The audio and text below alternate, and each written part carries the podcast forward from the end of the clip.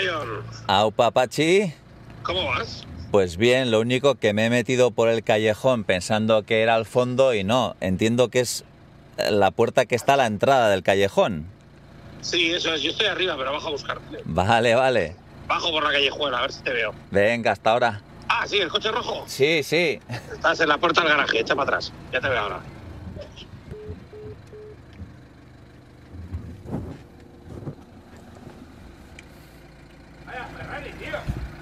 ¿Te gusta?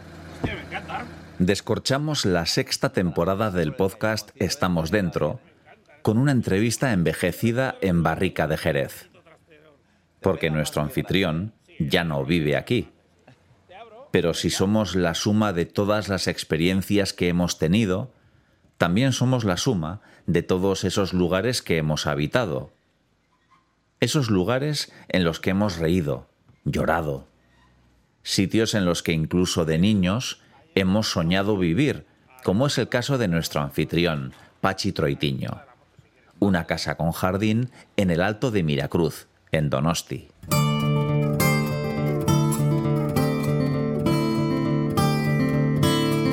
Antes de venir yo pensaba que esta casa era una villa, pero es más bien un edificio con solera con varios pisos. En uno de ellos ya no vive Pachi Troitiño, pero espero que entre los recuerdos que se haya llevado esté esta entrevista.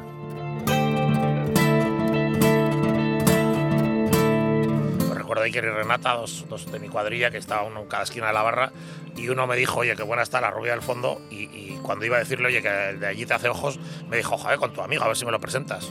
Dije, vamos a ver, o sea, sentí como un cura casando a dos personas, ¿sabes? Dije, Iker, Renata, bueno, pues viven ahí abajo, llevan, no sé, tres hijos ya y, y no sé cuántos años de casados.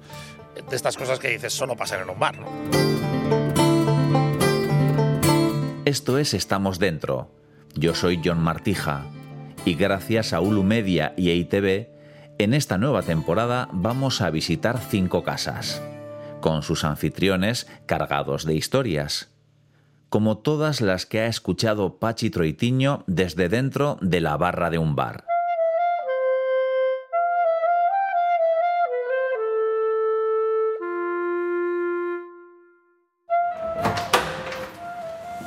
Bienvenido a casa.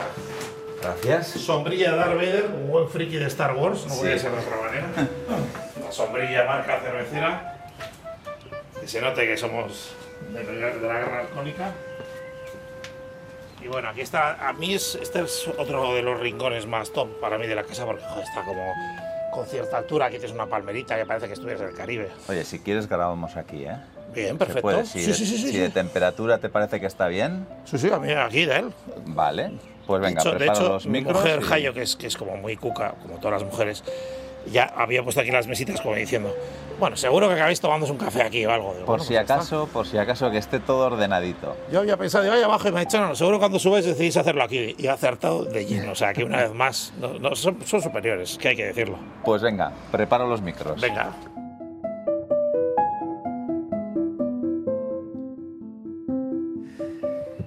Bueno, pues ya estamos Cuando instalados. perfecto. A ver, probamos un poquito el oye sonido. por ahí. Estamos enfrente del restaurante Arzac, por si necesitamos catering. Eso, estamos aquí bien ubicados. en la terraza de la casa de Pachi Troitiño, en el Alto de Miracruz. Por suerte este balcón da al otro lado, ¿no? Porque, claro, el lado de la carretera es como bastante transitada. Más urbano, ¿no? Diríamos, Sí. ¿no? Aquí tenemos mejor sonido para hablar de pues de lo que se suele hablar en una barra de bar, ¿no? Muchas veces. De la vida, de, tantas cosas y tantas conversaciones que habrá tenido Pachi Troitiño con gente de todo pelaje y condición desde su infancia, ¿no? Porque, como quien dice, creciste en un bar. Cierto. Bueno, la frase se suele decir, ¿no? El típico hostelero que lleva, yo he nacido en un bar.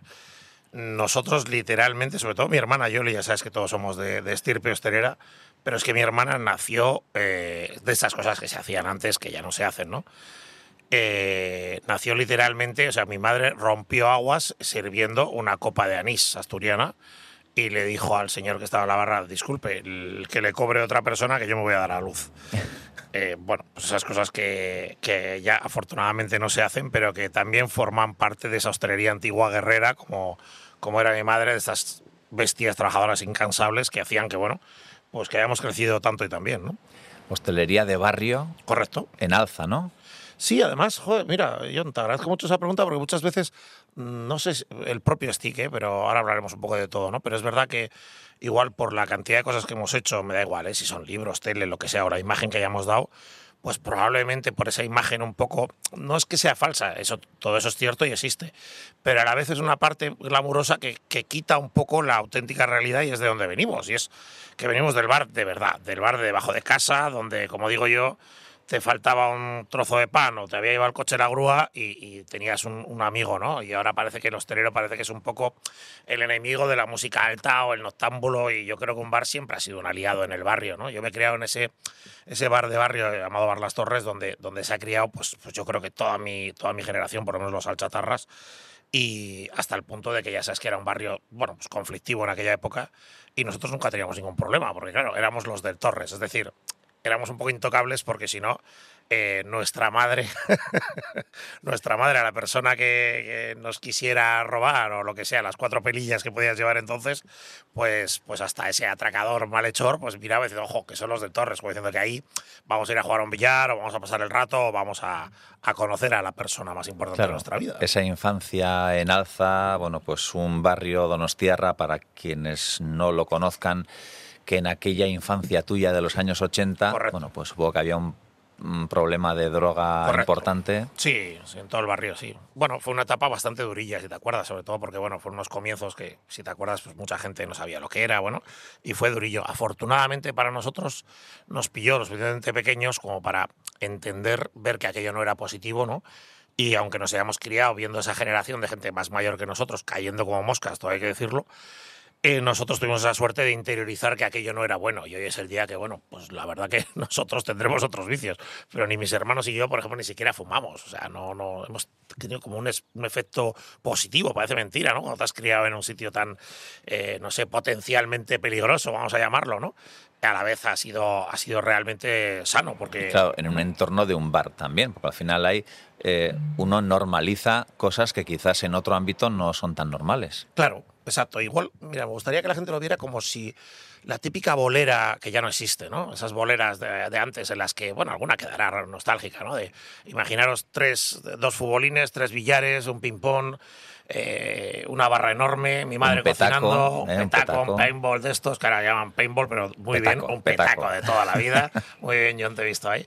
Eh, yo qué sé, pues el futbolín, el de madera y el otro. O sea, ese, ese, ese ambiente de bar de verdad, donde la gente fumaba y donde la gente bebía ponche y pacharán eh, echando la partida. Entonces, eh, yo creo que esa, eh, esa esencia de haberte criado en un bar en el que pasaban esas cosas, que lo mismo estaba alguien conociendo a la mujer de su vida, que otro estaba jugando a cartas, jugándose su, su, café copa y puro, y a la vez mi madre intentando llevar todo ese timón, ¿no? Desde la cocina, cocinando como Los Ángeles, pues hace que luego tengas una calle y una vida que, que yo creo que es súper interesante. Mira, para viajar, por ejemplo, es, es, vital, ¿no? Porque cuando vas por ahí por el mundo te das cuenta que además es, es, es, algo internacional. Es decir, que puedes bajarte del aeropuerto en cualquier país del mundo y entender esa mirada resabiada de alguien que te acaba de llegar, ¿no? Ese, entonces yo creo que al final es, es, calle, es vida y creo que es potentísimo el haber, el haber tenido esa escuela de la calle, digamos, ¿no?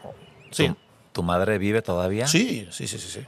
Y claro, ¿no? Ver que su hijo ha pasado del bar Las Torres con, con toda sí, la dignidad, eh, con todo el trabajo, a la terraza de un tres estrellas Michelin como el Aquelarre, me imagino que le tiene que llenar de orgullo. A mi madre, muchas cosas que, que es muy divertido. Para empezar, es como, por una parte, mi mayor fan con mi mujer, son las dos más fans, pero a la vez es la mayor crítica de lejos. Que para mi madre de pequeño, no sé por qué, probablemente porque era un tío torpón, jugador de básquet, tranquilo, excesivamente tranquilo, muy tranquilo, hasta ya sacarle un poco de quicio a mi madre. Entonces siempre decía que era demasiado bueno para este mundo y demasiado tranquilo, ¿no? que había que darme para atrás para andar para adelante. ¿no? Entonces, eh, ella literalmente me ha pedido perdón un montón de veces porque cada vez que yo le presentaba un proyecto o me iba haciendo un poco más mayorcito y le decía, joder, ma, pues vamos a hacer un libro, ¿no? ¿Cómo vas a escribirte un libro? Si tú eres un desastre. Si tú has aprobado la EGB copiando, si tú eres un desastre. Entonces, no sé hasta qué punto me lo ha dicho siempre a modo de verdad o a modo de efectivamente pues darme un poco de caña para que efectivamente lo hiciera, ¿no? ¿Y te servía como acicate? Probablemente, probablemente yo creo que sí, a mí sí, a mí sí, pero bueno, jo, no sé, yo no, como acicate tampoco, porque tenía tan claro, o sea, me gusta tanto lo que hago que digo a todo que sí. Entonces, de forma natural, Pedro, ahora que has nombrado a Aquelarre, Pedro dice una frase que a mí me encanta y es que los premios y todas estas cosas tienen que ser la consecuencia del trabajo y no el fin. Quiero decir que yo siempre he hecho las cosas en función de si tiene que ver con mi mundo, es decir, oye, esta entrevista, ¿de qué vamos a hablar, Pachi? Pues de tu vida y de tu profesión, me siento. Eh, de radio, tele, lo que sea, me da igual, libros, eh, dar clases, por supuesto estar en un bar, cualquier cosa, si tiene que ver con mi hábitat, desde cómo sacar a un borracho de un bar hasta cómo conocer a la mujer de tu vida, me encanta.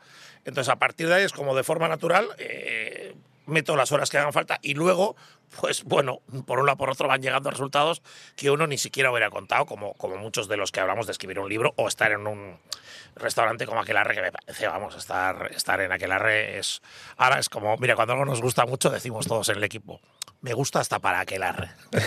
¿Sabes? Cuando inventas un cóctel chulo, ves una copa bonita o algo que, que, es muy top y que dices, joder, esto está de la hostia, el equipo dice, nos gusta hasta para aquelarre, Pachi. Sí, porque, bueno, toda esa evolución eh, lleva un tiempo, lleva un camino, un camino decidido, pero, pero es bonita esa historia, la iremos conociendo, porque tú, de hecho, querías ser barman desde niño. Sí, bueno, es algo diferente a mis hermanos. Mis hermanos eh, no tenían tan claro que querían dedicarse a esto. De hecho, bueno, pues eh, mi hermano hoy día ya no se dedica y mi hermano tampoco, el único que, se ha mantenido, pero solían decir mis padres que, que había que, que, pagarle a mis hermanos para estuvieran un rato en la barra, ¿no? Eh, en fin, pues oye, pasar a echar una mano o lo que sea, ¿no? Y a mí había que pagarme o darme la paga entonces, ¿no? Para que saliera de la barra, porque entraba a la barra y desde muy, muy niño, pues era mi hábitat natural. Yo recuerdo a los clientes cuando un mosto costaba 18 pesetas, ¿no? Eh, estar yo en la barra, pues no solo despachando, sino que eh, contando chistes, eh, imitando, haciendo imitaciones de entonces de Arevalo, de quien tocara, del humorista que tocara entonces. Es decir, siempre he tenido ese, esa relación con la barra de que era mi hábitat natural desde muy crío. Entonces, también creo que es muy bueno, ahora que tan, jo, no sé si os parece, si a ti te parece mí, pero la gente cambia mucho de de área, ¿no? Y me, sorprende mucho, a mí personalmente me sorprende muchísimo porque yo, joder, siempre he tenido tan claro lo que quiero ser, que es como, a mí me dices, Pachi, eh, ¿qué serías si no serías barman? Digo, joder, qué difícil, ¿no? Porque como no me he dedicado a otra cosa y no he pensado en dedicarme a otra cosa y no me apasiona otra cosa a nivel laboral, ¿eh? Luego tengo mis hobbies como todo el mundo, pero a nivel laboral no me he visto en otro campo nunca. Entonces, joder, cuando se han cerrado los bares en la pandemia, decía, ¿yo qué hago? Si voy a ir a una pescadería y voy a acabar haciendo hielo picado, a mojitos sobre el hielo picado, yo no, no, no, no sé hacer otra cosa, ¿no? Entonces es, jodido, también a la vez, ¿no? Porque, oye, habrá un montón de gente que tiene diferentes especialidades que se puede ganar la vida de otra forma. Yo la verdad que no conozco un sitio mejor que un bar donde, donde desarrollar una actividad diaria.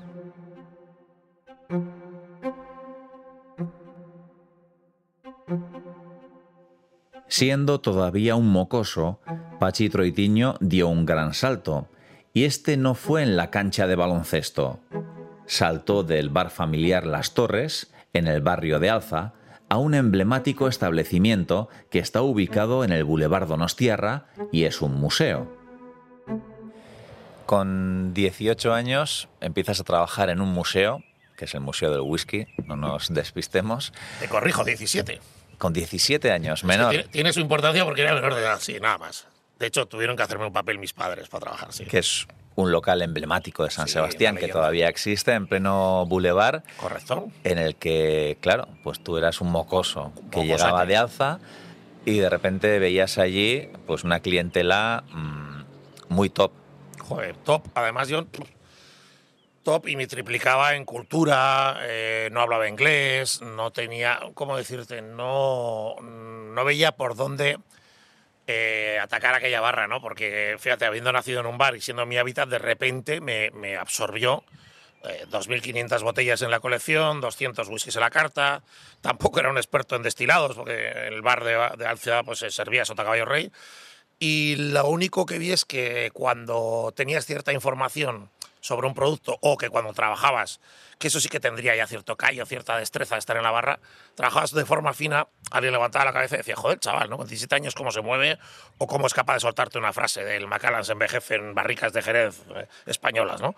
Eh, te miraban como diciendo, joder, con el chavalillo este, ¿no? Sí que al final no está solamente para, para currar y sacar la basura, porque es verdad que entonces jo, me tenían que decir hasta que trabajara más despacio, porque tenía tantas ganas de demostrar que, que, que, me pedían algo y corría a hacerlo, ¿no? Que eso también es otra de las partes que no quiero de abuelo cebolleta, pero que veo que igual la nueva generación no tiene tanto ímpetu, igual no había que tenerlo, ¿eh? pero yo por lo menos, ya te digo, me tuvieron que decir, Pachi, esto es el Museo del Whisky. Slowly, vete un poquito más suave, porque es que te llamamos por teléfono y antes de colgar ya has vuelto. O sea, tranquilidad. Y eso es que tu madre decía que eras así como un poco paradito.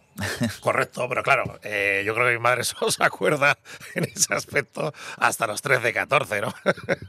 Luego ya empiezas a salir con una chica, empiezas a espabilar, empiezas a ver el mundo de verdad, abres los ojos y te das cuenta de que si quieres una moto, si quieres eh, ir a cenar con esa chica, si quieres, pues te vas a tener que buscar la vida de alguna manera. Y yo no conocía nada que se me diera mejor, porque jugando a básquet no me iba a ganar la vida, evidentemente, nada mejor que estar detrás de una barra. Y ahí es donde sí que dije, bueno, pues esto va a ser lo mío, tengo que intentar, no sé si ser el mejor, pero hacerlo muy bien para que por lo menos me den currelo y no me falte nunca, ¿no?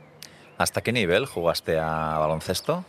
Pues mira, hasta que empecé justo, justo en, esos, en esos 17 años. Hasta entonces jugué todos los años. Lo que pasa que sí que es verdad que yo tuve una carrera muy divertida porque jugué con mis amigos de la infancia. Y decía, pues sí que lo hemos pasado muy bien porque hemos podido jugar juntos, pero sí que es verdad que hay un momento en el que un entrenador pedorro decide que yo era muy grande para la edad eh, con 11, 12 años era bastante alto, y, decidieron que, que, me subían como dos o tres categorías, no me acuerdo cómo era, ¿no? A jugar con los de 13, 14 y tal. Y aquello que a todo el mundo le pareció como el fichaje estrella del cole, porque te daban unas zapatillas, el Juven se llama el equipo y un chándal y tal, y parecía que te había fichado ahí, no sé, alguien importante, la verdad que me marcó un poco la, o sea, truncó un poco la, la, diversión, que yo creo que es ahora lo que más buscamos en los peques, oye, que, que, que, sean felices y que tengan los valores del deporte, ¿no? Y aquello me hizo pues que la última temporada prácticamente jugara muy pocos minutos en cancha y ya, pues bueno, perdí, no, no el interés, ¿eh? porque sigo siendo un enamorado del baloncesto, juego cuando puedo y, y, sobre todo consumo mucho baloncesto NBA y Jumbe también voy siempre que puedo a ver los partidos del GBC y tal. Apoyo al baloncesto guipuzcoano. Me parece que si eres un hincha de algo tienes que demostrarlo, ¿no? Y intento, intento estar ahí. Pero como jugador todavía me hubiera gustado disfrutar uno o dos añitos más de, de joder, ahora, que veo a mis amigos de que a gusto me había quedado yo con los de toda la vida, jugando más o menos minutos, haciéndolo mejor o peor, pero con los que de verdad tienes luego recuerdos de infancia, ¿no? Uh -huh. Eh, ahora que das clases en el BCC, en el Basque Culinary Center, de eso hablaremos, pero podríamos hacer un paralelismo diciendo que Las Torres fue tu escuela y, y, tu universidad y tu máster tuvo que ser el Museo del Whisky. Sin duda. Porque con 22 años, ni corto ni perezoso, te lanzas a abrir tu propio proyecto. Correcto. Y claro, un bar de cócteles en Rentería. que los inicios no tuvieron que ser fáciles. Bueno, yo lo cuento tal cual lo cuentas tú, ¿eh? O sea, tal cual, porque es, es, es real, ¿no? Al final, la, la segunda educación eh, la recibí en ese Museo del Whisky, ¿no? Pero es verdad que cuando, ojo, todavía no tengo muy claro, o sea, sí, bueno, pues es eh, económica la, la razón, ¿no? Principalmente Rentería era un pueblo muy jotero y siempre había mucho ambiente. Y sí que recuerdo que entonces el que hoy día es socio de la Real Sociedad, un personaje también que, que, que creo que mucha gente ya conoce, pero que es bueno, pues una persona muy digna de conocer. También su historia es muy divertida, que es, yo le llamo el Gran Porto, que es Johnny Porto, ¿no? que es un chico que, digamos que entonces éramos los dos únicos frikis de 17 y 18 años que hacíamos coctelería y nos gustaba y nos metíamos en campeonatos y, claro, entonces coincidíamos el uno con el otro, ¿no? Y un buen día, pues nos fuimos de sidrería, que sabes que todos los negocios en este, en este país, por lo menos en el País Vasco, se cierran comiendo y además nacen comiendo. No teníamos ninguna intención de montar un bar, pero nos fuimos a la sidrería Caco y entre sidra y sidra dijimos, joder, tú y yo tenemos que montar un bar, tío, porque somos los dos únicos, además un bar de cócteles. Y empezamos a imaginarnos, pues una cadena de hoteles, ¿no? No sé, triunfando en la vida, ¿no? Entre sidra y sidra. Y en ese impasse, pues su hermana trabajaba ya en el stick, Mónica, trabajaba las mañanas. Y, el bar es, eh, en ese momento, de los hermanos Cano de, bueno, los elegantes de San Sebastián, ¿sabes? El Juan Jocano de la parte vieja y su hermano Helio, que son los cracks y nos dieron la oportunidad, sin tener, bueno, pues eso, eh, un duro, de decir, oye, vamos a alquilar este bar, os damos la llave y vamos a probar un añito. Nos hicieron ese scouting, bueno, digo yo que lo hicieron, de mirar un poco si éramos eh, chavales con mucha ilusión, que es lo que teníamos, pero sin un duro, pero a la vez con muchas ganas, y nos dieron esa oportunidad. Y así nace, nace el irnos a Rantería y empezar en Stick Cocktails. Claro, que ahí sí que me gustaría que la gente reflexionara año 96, el único cóctel que se, servía en Rentería o nos, decían que conocían era el cóctel Molotov. Tal cual, os habéis equivocado. Íbamos vestidos como un trolebusero de azul, de estos camisa azul y pantalón de pinzas. Eh, nuestras madres tejían los típicos eh, adornos de bar, de blancos, que ahora no sé cómo se llaman, los tapetes estos horribles que, que si los pondríamos ahora nos tirarían piedras. Y, con aquello y unos trucos de magia que habíamos aprendido en el Museo del Whisky, arrancamos la aventura de abrir un bar de cócteles en Rentería en el año 96. Lo más suave que nos dijeron es, vais a durar dos meses. 26 años después, igual que mi madre, cosas que son eternas, 26 para 27 años después, el stick sigue abierto y hoy día pues para mucha gente es un referente. ¿no? De hecho, la gente cree que está en la Quinta Avenida de Nueva York, o en Donosti en la Avenida, o en, pues ya te digo, el stick es como, no, no, si el stick es un bar normal, parada de taxis, Avenida Navarra, el vecino de arriba, no tan macarra como el Torres de Alza, ya tiene su glamourcito, pero es verdad que, no deja de ser un bar más, ¿no? En ese mundo de la coctelería, yo entiendo, creo que las cosas han cambiado, pero en aquellos tiempos eh, pues era algo que estaba muy vinculado a cierto estatus económico, vamos, que no cualquiera se animaba a, a pedir un cóctel. Claro, jo, pues totalmente. Además, nosotros teníamos como la, no sé, como la misión de la vida, como si alguien nos hubiera dicho que, que teníamos que hacer esto, ¿no? O sea, de romper con todo eso. Pero no, no sé de dónde lo sacamos, pero la realidad es que nos adelantamos eh, en ese aspecto. O sea, tanto Johnny como yo nos hacemos amigos y socios por la sensación de que la coctelería es algo que solamente la pueden consumir los ricos, que solo salen en las películas de James Bond, y, si no te llamas Madonna o eres alguien de mucha pasta en Cosmopolitan, en el sexo de Nueva York, no vas a poder, no, no, no tiene espacio. ¿no? Y luego reflexionamos y decíamos, joder, pero claro, empezamos a viajar, nos íbamos de solterones por allí, que si uno iba a Cuba, otro iba por ahí, y a Brasil, y cuando volvíamos, de, joder, pues oye, yo me hartaba mojitos y caipiriñas, que son cócteles internacionales que tienen cero glamour, pero que sin embargo nos dan de comer todos los días, ¿no? Y ahí nos replanteábamos, claro, no quiero hacerme viajete, pero no había internet. Entonces te replanteabas un poco qué era un cóctel y cuál era el futuro de la coctelería. Si íbamos a estar toda la vida viviendo de o estás en un hotel de cinco estrellas o en un super restaurante o no te puedes tomar un trago o realmente el que está en una playa en Copacabana se está tomando un cóctel como una casa efectivamente se está tomando un cóctel igual de famoso o más. Es más, era el que de verdad vendíamos, ¿no? Porque no decías, joder, al final aquí no hacemos caja todos los días con los Dry Martínez de James Bond, que están de la hostia, ¿eh? Pero es, la verdad es que con lo que hacíamos caja en el día a día era con mojito, piña colada, antes de hacer nuestros cócteles de autor, eran con los que realmente, eh, los más humildes, para entendernos, ¿no? Entonces empezamos a decir, joder, pues entonces un cóctel no tiene por qué ni tener tanta graduación alcohólica, ni ser tan caro. Claro, esto también en Rentería nos, nos dio un golpe de realidad. No podías cobrar un cóctel como en Donosti ni como en Nueva York, porque no podías, literalmente. Entonces creo que fue, un, fue un algo bueno empezar allí, porque también nos hizo ver que la coctelería podía ser muchas más cosas. ¿Democratizasteis la coctelería? Bueno, mi hermana dice que la, la acerqué a la gente. Yo no sé si la acerca... Por lo menos...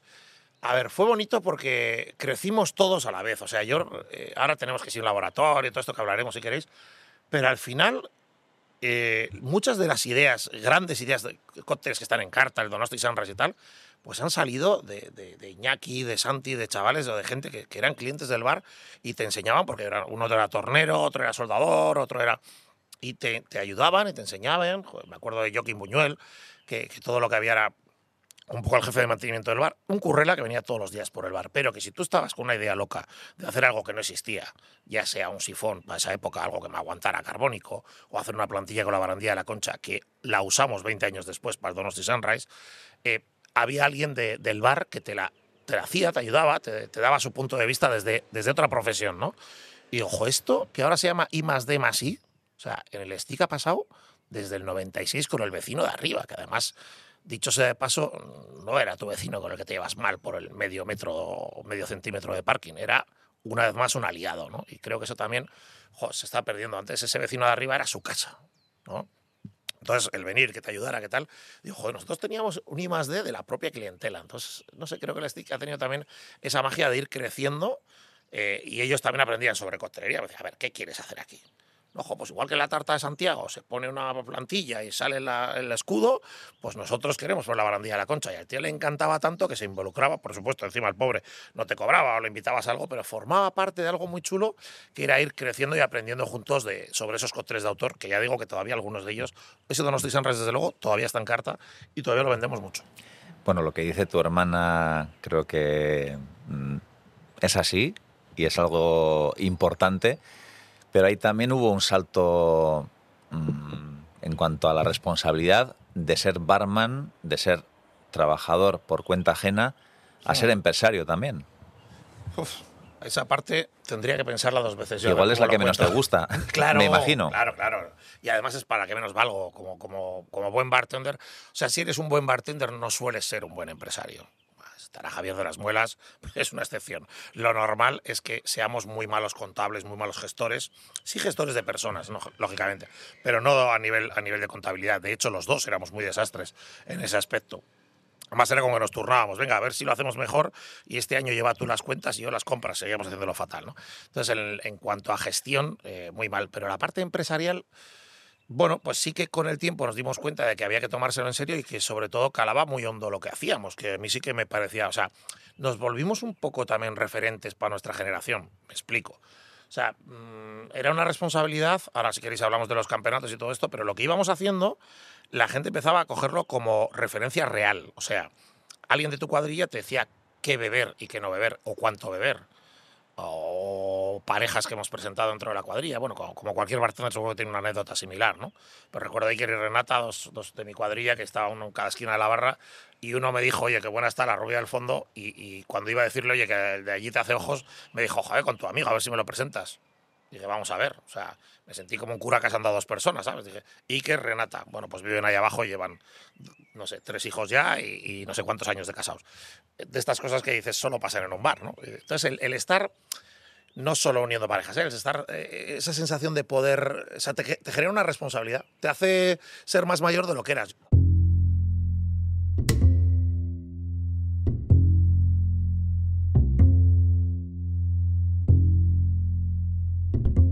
En las barras de los bares conviven las historias con final feliz, como la protagonizada por Iker y Renata, con los tragos más amargos. ¿Cuántas veces te ha tocado decirle a alguien que no, que la última es la que ya te has tomado? Mil, mil, mil, mil, mil. Mil. Además, os podría contar anécdotas que, mira, tienes razón. Cuando hacemos algo en casa nos abrimos más, ¿no? Porque estoy hablando de cosas que creo que no, no, no, no por circunstancia que sea no hemos hablado, pero es verdad que mil, mil, y incluso anécdotas de llevar a alguien a casa en brazos, viviendo cerca, ¿no? Decir, oye, este tío que además de no haber estado en el bar, pero saber que, que se ha pasado o conocer incluso su situación, que está en un momento jodido. Y en el equipo hay anécdotas de, de, de, bueno, pues yo con alguien a, a hombros, llevarlo aquí y, y, muy divertido de tenerlo que llevar a casa y dejarlo, dejarlo en su casa y al día siguiente, por supuesto, darte, darte las gracias y, y bueno, y más cosas, ¿eh? porque al final un bar, ya digo, es un mundo loco en el que pasa de todo, ¿no? De, desde situaciones muy bonitas a situaciones muy tensas, en las que bueno, aprendimos también que éramos responsables de muchas cosas. El alcohol tiene una parte de responsabilidad gigante y cuando encima eres el referente para... Sea, yo me convertí en el hermano mayor de toda mi cuadrilla de repente. O sea, teníamos la misma edad y de repente era el consejero matrimonial, el consejero alcohólico, el que, claro, salías también a una hora, eh, pues no sé, 3 de la mañana, ¿no? Que todavía entonces salíamos a tomar algo a esa hora y te encontrabas con todos que llevaban ya tres copas y tú acabas de salir de trabajar. Con lo cual te convertías casi en el padre que iba a buscar a su padre, a su hijo a la fiesta, ¿no? Entonces llegabas y repartías, repartías amor, decías, venga, tú para casa, ya te has pasado. Tú eh, no tomes una más porque la chica que te gusta al final no se ve contigo, se ve con aquel, no te das cuenta. Ahí va, le despertabas. Al otro lo acabas haciendo de taxista llevándole a casa y al final decías, jo, entonces mi misión... Hombre, a ver, que honestamente también viéndolo con perspectiva, también tú jugabas con una ventaja, que era que habías conocido todo lo que había pasado durante la noche, salías sereno, o sea que lo puedes ver la botella medio llena o medio vacía, lo puedes ver como qué putada, estabas ahí currando y te perdías lo mejor, o realmente tenías una ventaja sobre el resto muy particular. ¿no? Bueno, y en ese lado de la barra también eh, ha habido gente, mucha gente que se ha perdido. Al final tienes todo tan a mano y tan fácil que tiene que ser muy complicado, ¿no? El controlar eso. Museo del whisky. Ahí me, me, me, llevas allí. ¿Por qué? Porque cuando recibes una segunda educación, bueno, yo creo que mis padres también, ¿eh?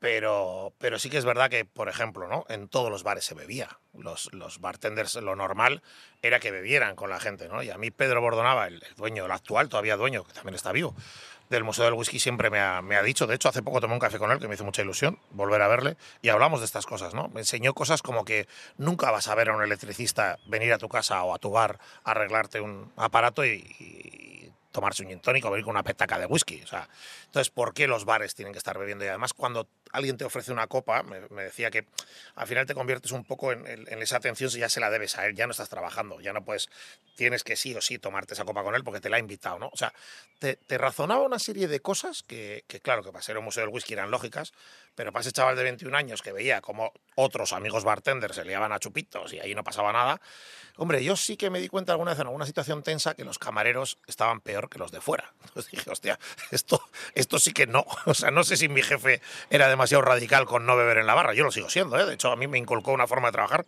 que todavía, todavía intento que trascienda. Pero sí que es verdad que, entonces decías, hostia, lo que sí que no puede ser es que el profesional, los profesionales que estén ahí detrás, eh, no estén para ayudar eh, en un momento dado que haya cualquier cosa, ya no te hablo de una pelea, te hablo de alguien que se ha caído, te hablo de alguien que se encuentra mal, te hablo de llamar a una ambulancia, de necesitar un problema que pueda surgir en cualquier momento y que tú estés todavía, bueno, pues, eh, igual, igual de mal, igual de perjudicado que los que están fuera. Era evidente que eso estaba mal. Y de hecho creo que ya poco a poco vamos limando y nos vamos convirtiendo en, en otra cosa, ¿no? Creo que ahora los bartenders ya son cada día más. Mira, la cotrería ha ayudado mucho a eso también, a profesionalizarnos en ese aspecto también, sí. Stick Cocktails eh, se convierte uh -huh. en un referente uh -huh. y hay un momento en el que pasáis de hacer eh, los cócteles clásicos eh, internacionales a crear y, y, a partir de ahí, ¿cuántas veces campeón de España? Bueno, yo, yo concretamente una. Mi socio otra, mi hermana Yoli, campeona de España y campeona del mundo, dos veces de España y una del mundo. Y lo que sí hemos ganado muchísimas veces, probablemente es que no, no te sé dar el dato correcto, pero, pero recuerdo que de 20 años, por ejemplo, los últimos 20, 18 eh, los había ganado alguien del Stick, ¿no? Ese campeonato de Guipúzcoa, así que, que es que, como que ya nos más, dejaban presentar no, de hecho, más. no nos presentamos. Bueno, a ver, cuando alguien quiere ir del bar, encantados que vaya, porque es una experiencia que hay que vivir, ¿no? Pero es verdad que hay un punto en el que ya nos veían llegar y decían, bueno, se acabó. O sea, si vienen estos fuera, ¿no? Y además era divertido, porque era como que, no sé, como no siempre ganaba el mismo. O sea, a veces ganaba mi hermana, a veces yo, pero esto tenía una razón muy lógica y yo creo que todo el mundo lo va a entender enseguida. Volvamos año 96. Si tú te quieres profesionalizar, no hay internet, no hay nada. Lo único que había era un campeonatillo que se hacía una vez al año de cócteles. Entonces tú te pasabas todo el año compartiendo con todo bicho viviente que tú bebías tu pasión, que tú veías tu pasión, es decir, cualquier otro bartender, otro amigo, otro producto, total, y por supuesto, trabajando en un bar en el que hasta un café con hielo se pasa por una costelera, es decir, tú tienes una costelera en la mano todos los días. Comparado con el resto de bares, tú, eh, es un poco Kobe Bryant esto, en Mamba Mentality, pero es verdad, tú practicas el doble de horas que los demás.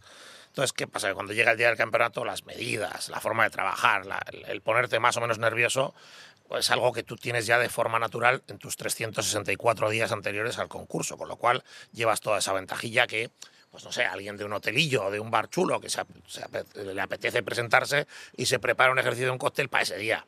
Pues es lógico que, que le lleváramos esa ventaja, ¿no? Pero también los campeonatos nos dieron eh, bueno, no había otro sitio donde darte a conocer. Entonces, si te querías dar a conocer, tenías que profesionalizarte. Entonces, nos dieron la posibilidad de, claro, como había que hacer un cóctel de autor, lo que hacíamos entonces era, ¿para qué vamos a generar cócteles nuevos si ya los que llevamos a los campeonatos van ganando? Entonces, ¿qué hacías? Oye, ¿qué ha ganado este? Pues lo pasabas a la carta. Era un doble trabajo. Entonces, era un poco presuntuoso ahora que lo pienso, pero iba por años, ¿no? Entonces, el año 97, pues este año ganamos tal cóctel, con tal cóctel, tal premio. Y entonces tú ibas eligiendo el cóctel con el que habíamos ganado ese año tal historia, ¿no? Hoy día, honestamente, después de, bueno, de vivir muchas cosas, probablemente lo que menos orgulloso esté sea de lo que te estoy contando, pero sí que tengo un recuerdo muy bonito de muchos amigos que he conocido compitiendo y, y he disfrutado mucho, pero sí que creo que probablemente a ver, adorna muy bien, queda guay en una entrevista decir que eres campeón de España, que estuviste en el Mundial de Singapur, o que tu hermana fue campeona del mundo, lo que queráis, pero probablemente cuando miras para atrás de lo que, de cuál es tu trabajo y de cómo has influido de, o de ser maestro de mucha gente, de poder crear un máster en el culinari, que, que podemos hablar, no sé, que los bartenders vayan a una universidad, nunca habíamos ido a una universidad a nada.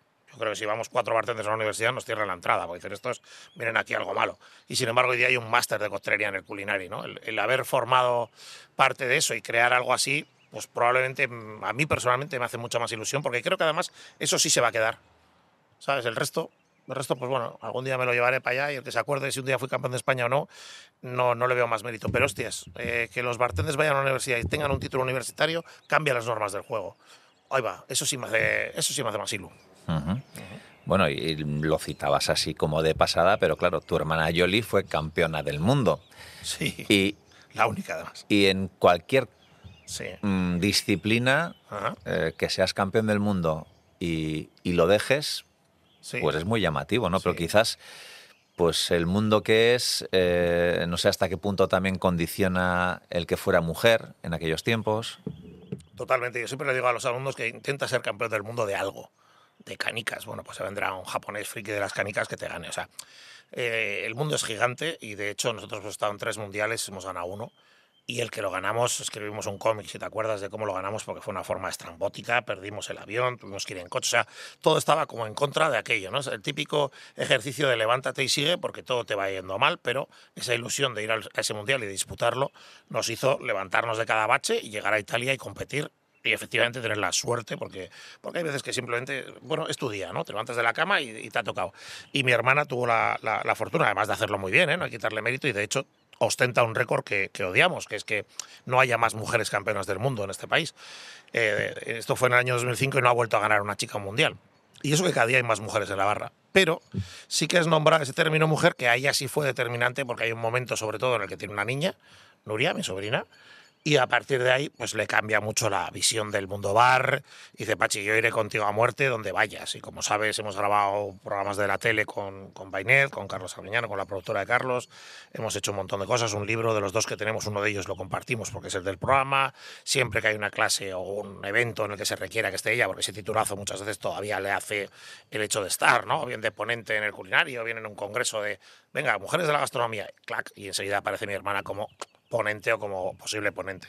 Entonces, le sigue encantando y sigue haciendo cosas, pero ya desde un prisma, ya ahora es educadora social, estudió criminología, le gustaba la astrofísica y hoy día es, es educadora social y también le llena mucho ese mundo. Y, es muy feliz, pero mm, si ahora estaría aquí te diría que todavía se le ponen los dientes largos cuando ve a alguien en una barra, sobre todo cuando ve con alguien con una coctelera en la mano, porque eh, jo, cuando has ganado algo tan, cuando la vida te regala algo tan bonito como ser campeón del mundo, que es, que es algo muy, recuerdo los primeros años que mi hermana iba a un concurso donde fuera algo de coctelería y se tenía que levantar a saludar. O sea, sabía alguien en un micro que decía, bueno, contamos con, ¿no? Y ella se tenía que levantar y decir, soy yo, sí, sí, tal. Y luego le hacían dos preguntas complicadas y decía, socorro, ahí está mi hermano, porque recordamos que es mi hermana pequeña y que no tenía ese vínculo con la barra que puedo tener yo, no por nada, sino que simplemente ella, ella os lo dirá siempre, ¿no? Que necesita siempre ese, esa parte más técnica de que si le preguntan una, o sea, se siente más segura en definitiva, porque ser campeón de algo y a lo mejor no poder responder a una pregunta actual, pues es jodido. Entonces ella siempre intenta que, que esté yo al lado, le da mucha, le da mucha energía. Y hacíais buena pareja profesional y, y desde luego en ese programa televisivo pues funcionabais muy bien. Bueno, tuvimos nuestra audiencia, además. Otro récord que nos gusta es ese, ¿no? Fue el único programa 100% de televisión que hay en este país. Hoy día, actualmente, estamos, estamos grabando con abogados, MTV o, bueno, donde nos llaman, ¿no? Con TV mucho, siempre que nos llaman. Bueno, tiempos de Teledonosti salíamos también a menudo. Y la tele siempre nos ha gustado mucho. Yo recuerdo que... Pero fíjate, volviendo un poco a los premios y todo esto, cuando empezamos a grabar ese programa, recuerdo que empezamos a hablar de forma natural un poco de, del mundial de mi hermana. Salió, ¿no? Pues, ah, pues esto- esta campeona del mundo, claro, ¿no? hacíamos como un pique en el que a ver quién ganaba ese día el concurso, ¿no? Como si fuera un concurso de cócteles el, el propio programa, ¿no? Y cuando terminamos de grabar, nos dijo la directora Elena Núñez, nos dijo, oye, pero vosotros habéis ganado. Y digo, ah, pero no os habéis llamado por esto. O sea, nosotros estábamos convencidísimos de que como éramos el actual campeón de España entonces y mi hermana había sido la campeona del mundo, joder, pues eso había tenido una repercusión tal que, que efectivamente nos habían dado un programa de la tele, ¿no? Y, y dices, qué absurdo, tío, es todo lo contrario. Simplemente hemos ido a X programas, a, bueno, pues hoy a colaborar, y de forma natural, una vez más, los premios tienen que ser la consecuencia y no el fin, alguien dijo, oye, estos dos hermanos que le echan mucho morro a la vida. Vieron que, teníais soltura, como salta a la vista. Hay conexión, hay, no sé, chico, chica, dan buen rollo, pues oye, vamos a intentar hacer un programilla con ellos, ¿no? Y la verdad que fue un regalo también de la vida. Yo me siento un tío muy afortunado porque he vivido cosas que, no sé, a lo mejor económicamente no me han cambiado la vida, pero sí me han dado mucho aplomo luego para atreverme a muchas cosas. Y la tele fue una de ellas. A partir de ahí aprendes que, que si dejas eh, un poco los miedos, a partir de ahí todo es disfrutar. La verdad es que te enchufan una cámara, sí que te da un poco de cosa, pero una vez que aprendes a, que, a normalizar el error, aprendí una serie de valores en televisión que me han servido, yo qué sé, para dar una ponencia delante de mucha gente. Bueno, pues soy humano, igual fallo, ¿y qué problema hay? Y antes te autopresionabas, claro, veníamos de la competición, ¿no? Si no salía perfecto, no ganabas. Y de repente pasamos al mundo tele que es, es humano equivocarse y es más, no vamos a cortar el programa porque te equivoques seguirás, tú ves a Carlos, que bueno, se le cae el bote de aceite, limpia y sigue.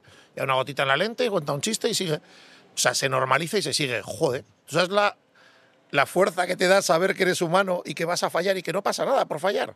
A partir de ahí intentas fallar lo menos posible, pero ya disfrutas de otro modo. Ya el nivel de autoexigencia no es, tiene que estar a la gota, perfecto, porque claro, la costelería de competición, bueno, resumiéndolo mucho, es muy precisa, ¿no? O sea, si una copa te queda un poquito más baja que la otra, ya no vas a ganar, porque hay otro que va a clavar esa medida. Y así suma y sigue. Es una serie de puntuaciones que, la competición es muy exigente y es, bueno, es, algo para lo que te tienes que preparar incluso físicamente, ¿no? Que hacerlo en un tiempo X y tiene, tiene su movida. Entonces, veníamos de ese mundo y de repente, oye, televisión, pues a disfrutar, ¿no? Y como pasa en la alta cocina, eh, también entran técnicas, productos, eh, aparataje, ¿no? muchas cosas que, que, abren el abanico de posibilidades hasta el infinito, ¿no? Claro. Sí, qué buena, qué buena que comentes esto porque además tiene mucho que ver con la evolución de la propia coctelería, ¿no? Yo, yo siempre digo que soy el, el, que como costelero soy muy vasco, quiero decir con esto. Bueno, y además me considero muy vasco, pero tiene raíces apillándome troitiño, ¿eh? que, que mi padre era gallego, pero sí que es verdad que la influencia que ha podido tener la gastronomía en la coctelería, o por lo menos en nuestra coctelería, es, es total y devastadora, quiero decir. Que como no había referencias ni referentes prácticamente en coctelería, pues lo más habitual y lo más natural, eh, viviendo enfrente de Arzac y teniendo a Pedro Subijana pues, eh, muy cerquita para todo también, que son tan cercanos como Martínez, que da gusto esta gente porque son superhumanos y súper cercanos. ¿no? Cualquier pregunta que hacías. Yo me metía en los congresos de, cocina ¿no? Y, alucinaba porque además miraban como diciendo, joder, Martínez, este siempre viene. Como diciendo, está un poco, como no fuera de lugar, pero, joder, ¿qué interés tiene de los cócteles este? en la cocina? Claro, eso es. ¿A, qué, no? ¿A qué, qué interés tiene este chaval? Y de hecho, en más de una ocasión me lo preguntaron, ¿pero vosotros tenéis cocina en el bar y tal? No, no, pero claro, si te veo a ti usar un sifón, pienso que meto yo en un sifón de coctelería y me podría funcionar. O si estás usando nitrógeno líquido, digo, bueno, si eso se lo he hecho yo a un cóctel, ¿qué pasa? ¿no? Entonces ya tenía esa inquietud y además veía que era el camino, sobre todo porque veníamos de intentar, si te acuerdas, romper eh, con esos estigmas de eh, mucho alcohol, caro, secretismo Tú preguntabas cualquier cosa, nadie te decía nada. Yo veía que los cocineros se lo transmitían todo. Entonces, bueno, un poco a lo mandaloriano, ¿no? Dicen, este es el camino. Pues nosotros decíamos, este es el camino. O sea, dejar un poco el secretismo y a la vez intentar, intentar aprender todo lo que podíamos de la cocina. Entonces, claro, nuestra... Y eso además, joder, luego tenido una influencia que yo no era consciente. Yo lo he hecho por curiosidad y por estar al día, pero es verdad que tiene una influencia en el sector brutal. O sea, ahora cuando vamos a Cuba o vamos a México o vamos a Colombia, la realidad es que tiene que ver mucho con con, que les gustan esas técnicas de vanguardia que, tanto han gustado aquí, que muchas son traídas de la cocina a la barra y otras, afortunadamente, poco a poco, también los bartenders vamos poniendo nuestro granito de arena diciendo, oye, pues mira, esta no es de cocina, esta nace de la barra, ¿no? Y algún cocinero dice, me encanta esa idea, ¿te la puedo copiar? Digo, joder, no es que me la puedas copiar, es que te las debo, joder, te debo todas, o sea que sí, sí, encantado.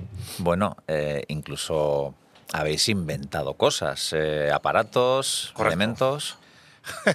sí, además es que nos conoces mucho, John, porque son cosillas que yo creo que se desconocen. Bueno, quizás las pinzas sí, pero por ejemplo inventamos un osmotizador, que era una cosa muy rara porque eh, admitía hasta 16 bares de presión. Para que todo el mundo me entienda, sería una olla express de coctelería, ¿no? Una cosa que los bartenders trabajamos mucho con hielo seco y, presiones, altas presiones con nitrógeno líquido y tal. Entonces, si tú quieres que una fruta se gasifique y le quieres meter un montón de carbónico ahí dentro, necesitas trabajar una presión que normalmente no tienes en una costelera. Además, eh, es un horror, porque en coctelería no se ha innovado nada. O sea, toda la Thermomix y tecnología o aparatos nuevos que se han podido hacer en una cocina, en la barra seguimos con la costelera de tres cuerpos de 1902. Entonces es como socorro que, que, se inventen cosas, ¿no? Y en ese aspecto y a medida de lo que hemos podido, pues sí que hemos sacado pues, la primera máquina de hielo seco de la historia, que yo recuerde, que la inventamos en el 97, que era una especie, de, nosotros todavía lo llamamos el hierro, que era un condensador de hielo seco. Ahora ya hay máquinas, pero entonces no había, nos lo tuvimos que fabricar. Una vez más, alguien del bar herrero vino y soldó aquello Y, luego ya a nivel más profesional, el osmotizador sí que ya es una realidad, ya la gente lo usa. Y sobre todo eh, nos daba mucha rabia que, claro, cuando viajas a los mundiales siempre te dicen, en España sois muy pulcros, o sea, te nombran como, pero el mismo presentador dice, España, cuidado, esto sabéis que trabajan fino, porque tenemos, si te fijas, lo de las pinzas, el trabajar todo con pinzas es algo muy español, muy de aquí. Es decir, sales de aquí y el mundo, eh, casi todos los bartenders utilizan una pala para el hielo, no cogen los hielillos uno a uno, o muy pocos países, Japón, que es muy friki del hielo y tal.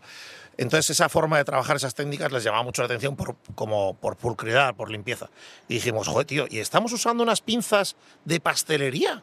que en realidad las hemos adaptado a la barra. Si reflexionáis, eh, cuando vas a un bar y ves a un tío trabajar cogiendo hielo, realmente está cogiendo hielo con una pinza que no se inventó para coger hielo. Se inventó para coger bollería o un curasán o lo que sea. Entonces, eso fue un, casi una reivindicación, ¿no? Entonces dijimos, vamos a hacer unas pinzas de hielo, pero que además sean como una navaja multiusos de la costelería, ¿no? Ya que la vamos a hacer y vamos a pagar dinero en hacer un molde y patentarlo y tal, y ahí sí hicimos una pinza que, bueno, pues es, eh, tiene unos dientitos para coger en el hielo, una pinza de precisión en la parte de atrás, que el muelle nos sirve, es bidireccional, y luego pues una canalador en el otro lado y tiene una brechapas y bueno, pues al final eh, ahí está, ya se venden en 80 países y hay muchos bartenders que están enamorados de las Cocktail Weapon, que se llaman, se llaman Weapon. Y está guay porque, sobre todo, una vez más, mira, eso sí que estoy orgulloso porque dices, eso va a quedar ahí, en el sentido que dices, tengo la sensación de haber inventado una herramienta. Pequeña o mala, o, sea, aunque no sea muy trascendente dentro de mi mundo, pues yo siempre digo, ¿quién inventó el cuchillo de queso? ¿no? Pues alguien dijo, oye, hay que ponerle dos puntas al cuchillo para que corte mejor el queso y además luego lo puedas coger. No sé quién lo inventó, pero alguien se preocupó de hacer eso. ¿no? Entonces, que dentro de la profesión eso va a quedar y el haber sido campeón de no, no, no se va a acordar nadie. Ahora, no sé, el, dar pasos dentro de la profesión creo, además que hace mucha falta. Sí, sí.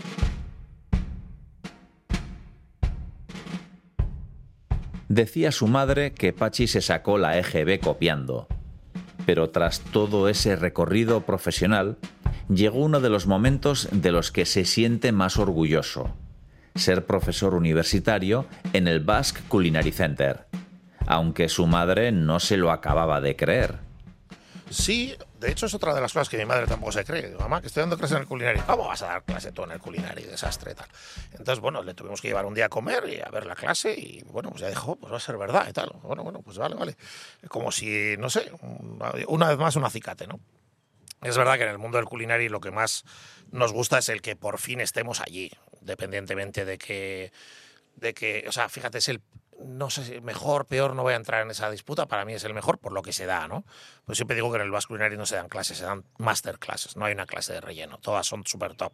Eh, si no hay un experto en whisky, habrá un experto en, atunes, y si no habrá un experto en cocina molecular o, en coachings, pero todo lo que se da es de brutal, ¿no? Cada clase sales diciendo, joder, qué, qué pasada de clase.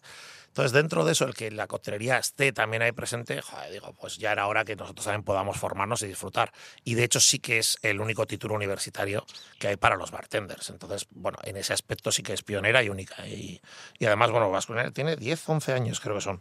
Y el, el curso experto este de bartender ya tiene siete también. Te decir que ya hace siete años era. Entonces sí que era todavía aún más, más novedad, ¿no? Recuerdo que algún artículo salía por ahí de los bartenders van a la universidad, en una revista ley, como algo como histórico. Dije, bueno, bueno, pues en eso hemos estado ahí poniendo el granito de arena, sí. Y luego haciendo, bueno, masterclasses por todo el mundo y también en eventos curiosos, porque un cóctel se bebe a priori, mm, se puede incluso comer, se puede aspirar, pero no sé si es Nifar también, porque hubo un cóctel por ahí muy especial para Netflix. esperaba que no sacaras este. Tenía fe en que no saliera, pero siempre sale, por cierto.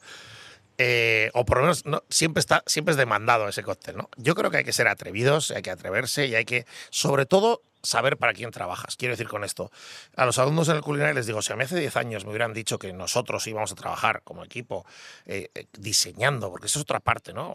Se lo recuerdo mucho a mi hermana también, que digo, joder, dejaste la barra y la barra no es solo la barra, ¿no? Hoy día a veces vivimos o tenemos trabajos en los que consta de diseñar un trago, no tanto de hacerlo, que también lo hacemos, ¿eh? pero que la prioridad no está en que vaya a estar en una barra sino en un diseño que va a estar pues en una presentación de la segunda temporada de Narcos en Madrid y en Barcelona, o para hacer unos posavasos, o para que a mí mismo, ya te digo, me suena un poco surrealista, entre otras cosas porque vengo de un mundo en el que no había Netflix ni había nada. Entonces que ahora llegue Netflix y digas, hostia, ¿en qué momento hemos hecho tanto ruido para que Netflix nos llame, para empezar, ¿no? Me parece un puntazo. Y segundo, que tenga la necesidad Netflix, Netflix de hacer cócteles. Joder, qué, qué guay. O sea, y ahí eh, sí que se ve claramente la influencia del resto de la gastronomía, porque solo alguien que haya nacido aquí sería capaz de hacer un cóctel bueno, cuando digo alguien, siempre digo en, torno de todo el equipo, ¿eh? que lo que tenía todo el mundo claro es que ese cóctel tenía que llevar al margen del resto una raya física, que no fuera lógicamente droga, pero que recordara esto. ¿no? O sea, estábamos haciendo un cóctel temático para Netflix y para Pablo Escobar. No podía ser la tarta de queso que le dedicamos a mi madre, el Donosti Sunrise. Tenía que ser algo especialmente tematizado. Excesivamente macarra, yo le dije al equipo, me encanta la idea, pero creo que nos lo van a echar para atrás. Y casualmente cuando presentamos esto era un espejo, eh, bueno, la, foto es muy agresiva, luego en el evento no se hizo tan agresivo, pero era un espejo en el que iba una raya que era Yopol, es Yopol xilitol y polvo de limón, una especie de sorbete de limón pero deshidratado, para entendernos, en polvo, que te lo tomas por la boca, lógicamente, pero sí con un dólar de Netflix, ¿no? Y al lado hay un cuenquito con unas palomitas nitro, que ahí sí es una técnica de, de cocina, por lo menos nosotros, creo que fue Dani García el primero que se lo vimos, pero llevado a una piña colada hecha con un antioqueño, que es un aguardiente colombiano, y lo que presentaba ser algo muy divertido porque tenías un cuenquito de palomitas que eran piña colada congelada con forma de palomita, y al lado el juego del plata o plomo, que lo llamamos así al trago, plata o plomo, que era probar la coca eh, eh, con la boca para si eres poli y quieres ver la pureza, o tomártela con ese dólar de Netflix por la boca y ver la segunda temporada de estreno, la segunda temporada de Netflix con tu cuenco de palomitas nitro, que ya terminaba de enlazar con todo el evento, ¿no? Entonces, la verdad que el maridaje y la forma de servirlo eh, creó un antes y un después, porque ahora sí que ya nos atrevemos con todo. Alguien nos dijo en las redes y siempre alguien te dice, bueno, pues es que estás haciendo apología de, las drogas. Digo, pues es que al final, si tú estás, no sé, si quieres tematizar algo bien, tendrás que tematizarlo bien. O aceptas el trabajo no lo aceptas. Eh, recuerdo que decimos otro cóctel para Love y decíamos apología del amor. Pues, pues es que en cada uno o el Dr. Jekyll, que, fue para Stranger Things. Pues recuerdo cuando se hizo el Dr. Jekyll, que era para el género steampunk. Pues es que si vas a tematizarlo, tienes que tematizarlo bien. Y eso implica a veces, pues bueno, correr ciertos riesgos y decir, ¿por qué no? Lógicamente, también tiene su espacio este tipo de tragos. Yo no puedo, o sea, el cote de narcos no lo hacemos en el bar porque claro, no lo entenderían. La gente le encantaría, ¿eh? la gente joven le encantaría el juego, pero no puede entrar alguien al bar, o imagínate en un aquelarre, ¿no? Que alguien entre en la terraza de aquelarre y vea cinco espejos con cinco rayas ahí que diga, bueno, bueno, esto qué fiesta. Algunos se despista, seguro. Entonces, lógicamente, todo tiene su espacio y su tiempo. A mí me suelen preguntar también por la costería acrobática, por ejemplo bueno, pues tan interesante es la cotería temática como la cotería acrobática, tiene su espacio. Ahora, yo en un aquelarre o donde sea, en el culinario mismo, pues nunca hemos hecho una clase de flair, de tirar las botellas por el aire, porque no procede, pero es un... Vuelvo al principio de la entrevista. ¿Pertenece a mi mundo? Me encanta, forma parte de lo mío. O sea, me encantaría tirar cinco botellas por el aire, se me caerían todas. ¿eh? Ha hecho más daño que bien la película Cocktail, aquella película mítica de los 90, sería. Preguntón, porque creo que eh, ha hecho mucho daño por un lado y muy bueno por el otro. O sea, hizo muchísimo daño porque todo el mundo quería convertirse en un flair bartender en esa época. Es decir, yo creo que ibas por la calle estando Nosti, los, los bartenders le daban ah, vueltas a las cucharas del café y tal, ¿no? Era como un momento en el que todo el mundo quería sí o sí eh, salir de un circo, o sea, irse a un circo a practicar para volverse a meter a la barra. Y es verdad que caló muy hondo esa, esa forma de trabajar americana que no habíamos visto nunca, ¿no? Siempre habíamos tenido trucos de bar ese bar Las Torres siempre se había hecho el típico truco de cenicero eh, y de hacerte una trampa con un billete o lo que la típica de me la sé o no me la sé de barrio, pero hostia, de repente un bartender que tenía un superpoder de ligar un montón y tirar botellas por, por el aire, aquello nos molaba a todos. Pero a mí personalmente lo que más me gusta de esa peli, creo que el que es bartender y la ha visto muchas veces como yo, eh, me gustan dos cosas fundamentalmente la de menos que la que menos me gusta es la parte de Flair, que luego es muy básica realmente para la peli, pero sí que eh, al margen de las botellas que tiran y tal, de los movimientos, sí que refleja perfectamente la vida de un bartender, perfectamente. Que al final se convierte en una noche continua, con unas pocas horas de luz, por lo menos de un bartender noctámbulo, ¿no? De lo que normalmente suele ser un bartender. Y es verdad que ahí tienes que saberte manejar en ese hilo del bien y el mal, saber aterrizar, porque si no, como bien decías, también te puede llevar el camino de la noche y de tener el alcohol muy cerca y otras cosas, pues puede hacer que te pierdas. Entonces sí que es verdad que refleja perfectamente cómo manejar ese punto de trabajo, pasión y, vida, ¿no? Y luego, para terminar con esa peli, sí que el, el, final final, si os dais cuenta, que creo que es algo que tampoco lo he dicho nunca, pero hay varias cosillas que hacen guiño a mi vida. Yo no sé si a la gente le interesa esto, pero por ejemplo, cuando se acaba la película, la última frase que dices barra libre, ¿no? y nuestro canal de YouTube se llama Barra Libre. Ujú. Bueno, pues en las Cocktail Weapon, las pinzas que hemos hecho se llaman Cocktail Weapon, eh, nadie sabe y no sé si le interesa a alguien, pero se llaman Cocktail Weapon porque son las zapatillas de Magic Johnson, que todos eran las Weapon, que tenías que ahorrar tres meses para comprarte unas zapatillas, ¿no? Eran unas Converse que había que ir hasta Francia por ellas. Entonces soy como muy romántico y me gusta enlazar esas cosillas, ¿no? Que son como muy mías y que el que me conoce mucho, pues mi familia y mis amigos, ¿no? Saben estas cosas y dicen, joder, qué auténtico el cabrón. Dio la chapa para comprarse aquellas cóctel, o sea, aquellas zapatillas, las Weapon, y ahora a sus pinzas de hielo, que al final no deja de ser arma la traducción, ¿no? Un arma para la coctelería, pero le sigue llamando con aquellas zapatillas que jugó siete temporadas con ellas, pues le cambiaba la, la suela porque tenía dinero para otras.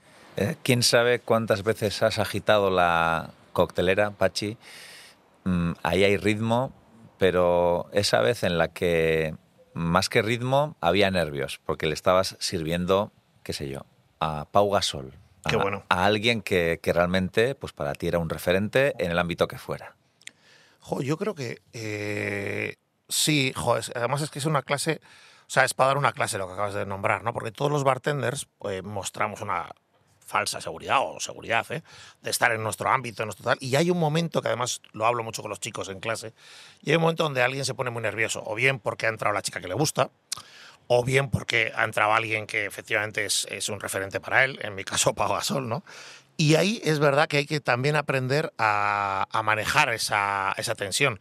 Joder, cuando hemos estado en el Festival de Cine, que, que como sabéis también hemos sido los bartenders del Festival de Cine, hemos atendido pues desde Woody Allen a, a mucha gente que además no sabes por dónde te va a salir, a veces le gustará, ¿no? Siempre tienes un poco ese... Ahora en Aquelarre cuando empezamos igual decíamos, joder, los cotres que hacemos en Rentería gustarán en Aquelarre. Bueno, pues llevamos siete años y están encantados, los, tanto los clientes como, como, como la familia subijana, que son un cielo. Al final dices, bueno, pues sí que encaja, pero ese, ese pre eh, te pone muy nervioso. Y es verdad que hay que saberlo controlar. Y es verdad que hay muchas veces, fíjate, probablemente los cócteles más difíciles que haya tenido que hacer hayan sido a mi mujer cuando le conocí o a mi mejor amigo el día de su boda, porque decía, yo este día, o sea, no puedo fallar, porque el resto sí que puedes decir, oye, pues tampoco pasa nada si se me abre la cotrera delante de Woody Allen, es una faena, pero yo, yo creo que lo entendería, ¿no? Pero yo no tengo dos días en los que en los que servir en la boda de mi mejor amigo. Ese día no se me puede pinchar la rueda, no puedo tener un fallo. Ese sí que, y seguramente para él no sea tan importante, pero para mí sí, ¿no? O si crees que estás conociendo a la mujer de tu vida, pues lógicamente ahí tendrás que, que- que poner un elixir como para que se enamore de ti y siga todavía contigo, ¿no? Esta, esta chica de Tolosa llamada Hayonor Chepía, que, que todavía no me aguanta. Entonces ahí sí que reconozco que esos momentos han sido los cotres más difíciles de hacer. Y ahora que me han propuesto mi hija que vaya a clase de- a su clase a hacer cotres sin alcohol. El otro día le decía a mi mujer, jo, que no sé qué hacer. O sea, tengo mil ideas, pero decía, joder, o sea, es como, como que me he puesto tenso y tal. Pero esto como, ah, claro, niños, esto como, a ver, ahora, seis años, digo, amén, ¿cómo, qué- qué- ¿con qué les sorprendo? ¿sabes? Es curioso, los que menos te imaginarías son los que más... Y bueno, luego lo de Pau Gasol, el equipo dice que entré en bucle y pasé automáticamente del resto de la terraza y me dediqué única y exclusivamente a atenderle a él. bueno, pues así sería, yo no creo que fue para tanto. Pero sí que es verdad que me firmó una camiseta y me hizo mucha ilusión como buen fan de, de los Lakers. Y bueno, pues mi viaje de novios fue ir a, entre otras cosas, fue ir a Los Ángeles a ver un partido de, de- de Los Ángeles Lakers. Entonces, el tenerle en la terraza, en una mesa y poder charlar de, oye, están grandes aquí O'Neal, no sé, preguntarle cosas como muy absurdas si quieres, pero muy de frikis como como somos del básquet y fue, fue una experiencia que me regaló la vida también muy bonita conocer a uno de mis ídolos. Y Pau Gasol no gana él solo los partidos y Pachi Troitiño tampoco. Has citado varias veces el equipo y yo, mm, en lo que te conozco y en lo que te he visitado en distintas barras, siento, y porque también he tratado con ¿no? integrantes de ese equipo en distintos momentos, eh, siento que realmente eres bueno formando equipo y haciendo piña y haciendo que la gente se sienta importante y, y parte ¿no? de, de lo que es ese, ese mundo de la coctelería. Sí, joder, lo agradezco un montón porque al final, no sé, yo- si eres honesto contigo mismo, dices, es imposible. Ahora tenemos Stick, Astoria o Cinema 7 ya. Cinema 7, Aquelarre, las formaciones, o sea, todo este entramado, que tampoco es tanto, ¿no? Pero bueno, vamos creciendo. Pero sí que es verdad que para que tú y yo estemos aquí sentados charlando, echando un café en este atardecer maravilloso, alguien tiene que estar defendiendo el fuerte. Entonces, eh, eh, le doy mucho valor a eso y además eh, pretendo que sean como yo y es imposible. Quiero decir que esta pasión que intentamos transmitir, tal, no siempre. Hay mucha gente que es más, vamos a decir, mercenaria, ¿no? Y trabaja más por dinero y no tiene tanta pasión por lo que hace y no, no tiene la llamada de la coctelería que tuve yo con ocho años. Entonces, no puedo pretender tampoco que el resto del equipo, que, la verdad que luego se lo intento contagiar y más o menos lo consigo, ¿no? Pero sí que intento que, que estén involucrados en el proyecto que sea, que sean felices. Creo que si no eres feliz no vale para nada lo que estás haciendo. O sea, y que les guste lo que hacemos. Son las tres condiciones que sean buena gente. Son las tres condiciones que pedimos para, para formar parte del equipo. A partir de ahí, cada uno somos de un padre, tenemos nuestras manías, nuestras formas de verlo, pero si trabajas con alguien que no te gusta o que no te gusta lo que hace, o sea, me encanta la cocina de Pedro Subijana, tiene mucho sentido que yo esté en aquelarre. Ahora, si no me gustaría nada, pues no tendría ningún sentido el estar en, en un aquelarre. Pues intento que al equipo le pase lo mismo conmigo. Yo siempre digo que lo más difícil es ser el mejor para los tuyos. Muy difícil.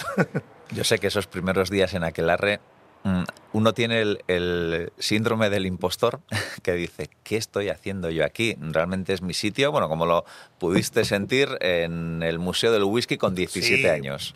Correcto, joder, es que además recuerdo que, cambiamos toda la carta, además hicimos un ejercicio que suelo comentar también con mucha gente cuando doy alguna charla y tal, porque nos auto boicoteamos. O sea, ese Donosti Sunrise que nos había llevado hasta allí, el de la barandilla de la Concha, por ejemplo, o sea, llegamos a Guerrero y dijimos, bueno, hemos llegado hasta aquí, eh, wow, Ollana nos da una libertad de, venga, hacer la carta de cócteles. Es verdad que Pedro dijo, ah, pues yo los quiero probar y Ollana también, tal. Pero desde una informalidad que yo decía, bueno, esto en algún momento nos van a decir, esto aquí no cuela, o esto aquí no va, o, esto es aquelarre, tienes que poner algo mejor o peor, ¿no? Y, en principio parecía como que todo era como muy, muy, muy top y muy fácil. Entonces dijimos, bueno, pues ya está. Aquí lo que hay que hacer es eh, una carta nueva de cosas eh, súper top para aquelarre, ¿no? Y nos olvidamos de que nos había llevado hasta ayer a nuestro Donos y Sunrise, es decir, los cócteles que habíamos hecho en Rentería o que habíamos hecho entonces en Amara, con lo cual la gente que vino al principio, eh, que además hacía mucha ilusión eh, veros, ¿no? Porque llegabas y decías, joder, alguien de casa, era como ese, ese a quien abrazarte y decir, ay, ay, ay, socorro, que, que me la estoy jugando, apóyame, ¿no? Y no era tan real, porque la verdad que la familia subijana son un cielo y desde el principio nos han dado mucho margen de hacer cosas y han creído mucho en nosotros, pero internamente teníamos esa presión. Y la verdad es que nos empezaron a pedir los cócteles que no habíamos puesto. Es decir, los que nosotros mismos habíamos devaluado porque para que arre nos parecían poca cosa, ¿no? dije, jo, tío, qué, absurdo. Eh, mirar el equipo, dije, chicos, ¿os habéis dado cuenta de que la gente nos está pidiendo un Donos y Y claro, es que ¿qué nos van a pedir? Si nos conocen por esto. O sea, qué locura es esta de, hemos llegado a aquel arre, tenemos que hacer algo que no hayamos hecho en la vida y fuegos artificiales. Jo, pues de hecho, decía Pedro, esta es la barra de la fantasía, me decía al principio siempre, porque pasaban muchas cosas que o bien cambiaban de color, había que buscar todo efectos wow, que decíamos esta frase, ¿no? Tiene que tener efectos wow. Y nos dimos cuenta de que no existía ese ingrediente secreto, ¿no? Que al final la realidad era que, que nuestro trabajo nos había hecho llegar hasta allí, que la gente disfrutaba de esos cócteles que, están igual de ricos en rentería que en Amara, que en Nueva York, que en Japón. Y también fue una lección de vida eh, en ese aspecto. Entonces ahora también, bueno, convivimos con cócteles actuales, cada año ponemos cosas nuevas, divertidas y tal, con los clásicos de toda la vida del stick. El secreto está en el entusiasmo, en la pasión que, que le echa Pachi Troitiño, que contagia a su equipo y que yo sinceramente creo que también has contagiado a, a la audiencia, espero, porque yo bueno, pues te he escuchado con los ojos y los oídos bien abiertos y, realmente, bueno, pues muchas cosas que sabía, otras que no, pero creo que era una historia y una experiencia a contar y por ello queríamos ¿no? estar en casa de Pachi Troitiño Pachi, una última pregunta, ahora que creo que ya anda tu mujer por aquí, que no sé, igual prefieres que no nos escuche. Lo, de la conciliación, ¿no? Lo de, sí, el trabajo es tu pasión, pero mm, no podemos dedicarle todo el tiempo a, esa pasión porque hay otras cosas también muy importantes, eh, tu mujer, la familia. Em, ¿Tú cuándo crees que, ¿Hasta cuándo crees ¿no? que, que puedes seguir a este ritmo? Bueno, es súper buena pregunta y además lo hablamos muchísimo mi mujer y yo. Bueno, para ir terminando, agradecerte un montón que hayas venido a, mi casa, porque nunca había tenido una entrevista aquí. Además, como, como puedes ver, todo lo hago con mucha pasión, sea esto lo que sea, y estoy, estoy feliz de poder hacer esta entrevista aquí en casita, ¿no? Y luego, bueno, antes de, de, hablar de eso, también el karma, ¿no? Porque no creo que lo haya dicho durante la entrevista y me parece también que es un punto importante. O sea, yo esa ese viaje que hacía de Alza Donosti, ¿no? para juntarme a ir a la concha y a intentar eh, ligar y todas esas cosas que hacíamos con 13, 14 años, pues al pasar de Arzac hacia abajo, siempre miraba hacia siempre sentaba en el 13, en la parte más alta del autobús, y miraba hacia este lado que tenían como canchas de baloncesto y estas villas y tal, y decía, ¿quién será el cabronazo que vive ahí? Hmm. ¿Cómo me gustaría algún día poder vivir ahí, no? El cabronazo eres tú. Y ahora el cabronazo soy yo. Digo, habrá un niño pensando lo mismo. Entonces, me parece que es un mensaje súper positivo porque independientemente de que con la costelería no se forra nadie, sí que es verdad que eh, esos saltos de calidad, de decir, joder, pues hoy día vivo en, la casa que soñé de pequeño. Bueno, pues llámalo karma, llámalo como quieras, ¿no? Una vez que luego ya se crea esa familia que, bien dices, que adoro y que, y que por cierto es, es, mi vida. O sea, si tengo energía, ahora mismo es por ellos, ¿eh? O sea, porque muchas veces sí que estás como cansadete y, bueno, pues, eh, hice 49 antes de ayer, entonces quieras que no, pues tienes ya, estás más cansadillo, ¿no? Pero cuando tu hija te dice a por ellos, papi, bueno, ya puede estar Hulk delante que te lo comes, ¿no? Entonces, ¿qué hago? Pues eh, trucos, trucos como, como decir a, cosas que no, a las pocas que puedo, eh, sacar tiempo de donde no hay, dormir un poco menos, pero, pero sí que es verdad, ahora estamos haciendo como además diferentes proyectos en los que sí o sí puede venir mínimo mi mujer, que ahora tiene un poquito más de tiempo, ya sabéis que trabajaba en Zuberoa y ahora estaba más tranquilita, le pido por favor, así puede estar unos meses también ella más tranquila, para poder disfrutar un poco más en familia, ¿no? Y en cualquier caso, ese equilibrio, cuando algo te apasiona mucho, con la familia y con el trabajo es súper difícil. En mi caso estoy intentando pues manejar lo mejor posible para estar el máximo tiempo con ellos porque me dan una fuerza que son descomunales. Y para terminar, sí que es verdad que no sé cuánto tiempo, pues yo siempre he pensado que hay un día que lo voy a dejar de golpe, John. Siempre he pensado que, por lo menos este ritmo, ¿eh? Siempre he pensado que en algún momento voy a decir, bueno, Pachi, eh, has vivido mogollón dentro de tu mundo. Por lo menos me parece a mí ¿eh? que para un bartender lo que he podido viajar, conocer, ver eh, experiencias de vida, tal, eh, pues, pues, muchos rockstars probablemente no hayan vivido tantas experiencias bonitas como me ha tocado a mí vivir, ¿no? Que no tiene nada que ver con la parte económica, por cierto. ¿eh? Y ahí dices, jo, pues yo creo que hay un momento que simplemente diré, bueno, ahora sí que ya está. Y entonces me quedaré con menos cosillas, pues eh, haré menos cosas. Probablemente haya proyectos como aquel arre que me apasionan, o el dar clase en el culinario, porque el seguir formando gente, creo que como profe no tienes caducidad. Pero como bartender también creo que, que llega una edad en la que molestas más en la barra la noche ya, ¿sabes? Llega un punto en el que en la carrera de un bartender creo que es más corta que la de un cocinero en ese aspecto, ¿sabes? Porque, sobre todo a modo de bar, ¿eh? A modo de lo que es estar en un bar. De hecho, yo ahora ya a la noche cada día me retiro antes, porque creo que al final el equipo, hablo del stick en este caso, más joven, pues aprende a tu forma de llevarlo. Hay un momento que dices, casi les estoy cortando el rollo, me voy, me voy a casa. Entonces creo que la propia vida te va diciendo, eres padre, vete, descansa y desayuna con tus hijos al día siguiente, ¿no? Entonces creo que tarde o temprano, más temprano que tarde, llegaré a un punto en que diga, bueno, John, eh, te veré en aquel arre, seguiré usando esos, esos, tragos, pero lo de estar hasta las 2 de la mañana enseñándoles como con mucha psicología sacar a un tío que viene un poco tocado, ya se lo han aprendido, creo que esa, esa lección ya la tienen.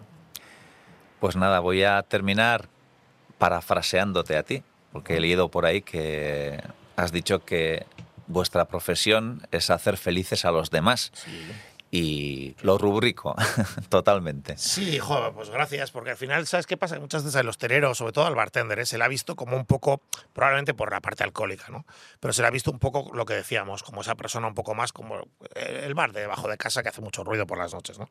Y sin embargo, yo creo que nuestra profesión es todo lo contrario, consiste en hacer un poco más felices a los demás, ¿no? Que me parece una profesión súper bonita, me parece que cualquier otra profesión es mucho más dura. La nuestra es, viene a nuestra casa, la hacemos un poco más feliz, se, o por lo menos es la y, se va agradecido. Joder, macho, me parece que, tenemos una posibilidad de mejorarle a alguien el día y si lo conseguimos, pues, pues eso no tiene, no tiene precio.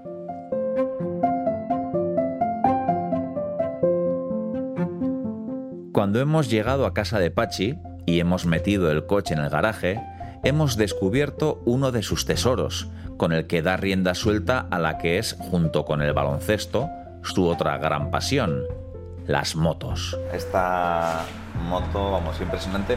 Custom se llama, ¿no? Este tipo sí, de motos. Sí, sí, sí. ¿Cuántos Eh, kilómetros tiene? Eh, a ver, 56.000. Poquitos, no son tantos. Sí, ¿no? No son tantos. Más tendrías que hacerle, ¿no? Lo que sí que, sí, joder, la verdad que sí. Lo que sí que tiene es como mucho motor. Entonces, eh, y luego tiene un escape bastante libre. Es una 1600, que para una moto 1600. 1600. Sí, sí. Y al final es una personalización de, una Yamaha Wheelstar 1600 hecha un poco a medida para, para ir, sobre todo para ir cómodo. Luego es verdad que ya que la vas a hacer a medida, pues mira, un pequeño detalle, si te fijas, que son cosas ocultillas, pero la parte de aquí de la horquilla, la parte de arriba, eh, son exactamente dos tapones de coctelera, ¿no? Ah, mira. Pero si no te lo digo, no te hubieras dado cuenta No, nunca, no. porque son. Al final los cromados, ¿no? De este tipo de Claro, motos. pero ahora, ahora sí lo ves, ¿no? Sí, sí, sí. Si te fijas, esta sería exactamente la parte de arriba de una coctelera.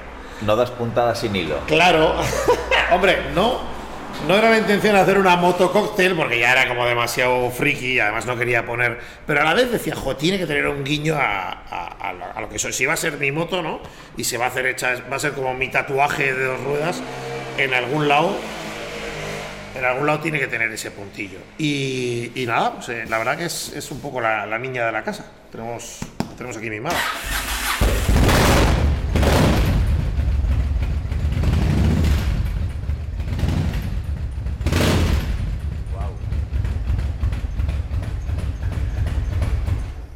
así suena la libertad, queridos Guau. amigos. sí, bueno, como buen friki de las motos, eh, todos los moteros sabes que tenemos el sentimiento de libertad cuando te da el, el- el viento en la cara. Y si además llevas un motor que suena así, pues eh, la sensación de tractor, o sea, de pop, pop, pop, de ir un poco por la vida ah, de, de bañera de hidromasaje casi, ¿no? Pues para, de hecho para mí sería eso, ¿no? Como cuando alguien está estresado y es un buen ejemplo, ¿no? Se mete en una bañera de hidromasaje y ahí se relaja. Pues esto no es ni para correr, ni para...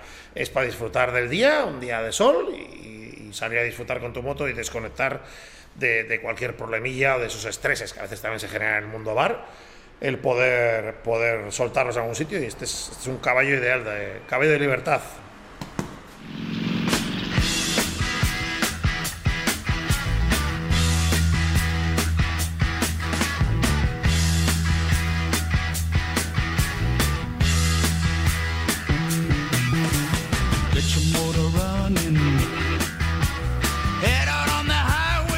Hasta aquí esta visita a la casa en la que ya no vive Pachi Troitiño. Esperamos que no os deje resaca y si lo hace, que sea de las buenas, que las hay. Doy por hecho que la mayoría estáis suscritos a Estamos Dentro en vuestra plataforma de audio favorita. Pero si no es el caso, suscribíos y así no se os despista ningún capítulo. Un saludo de John Martija. Nos reencontramos en nuestra próxima visita de la mano de Ulu Media y EITV Podcast. Yeah,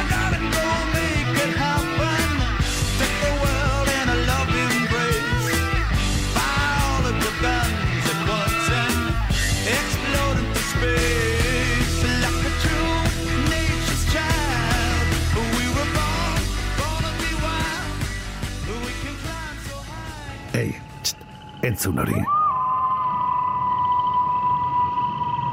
Ulu Media.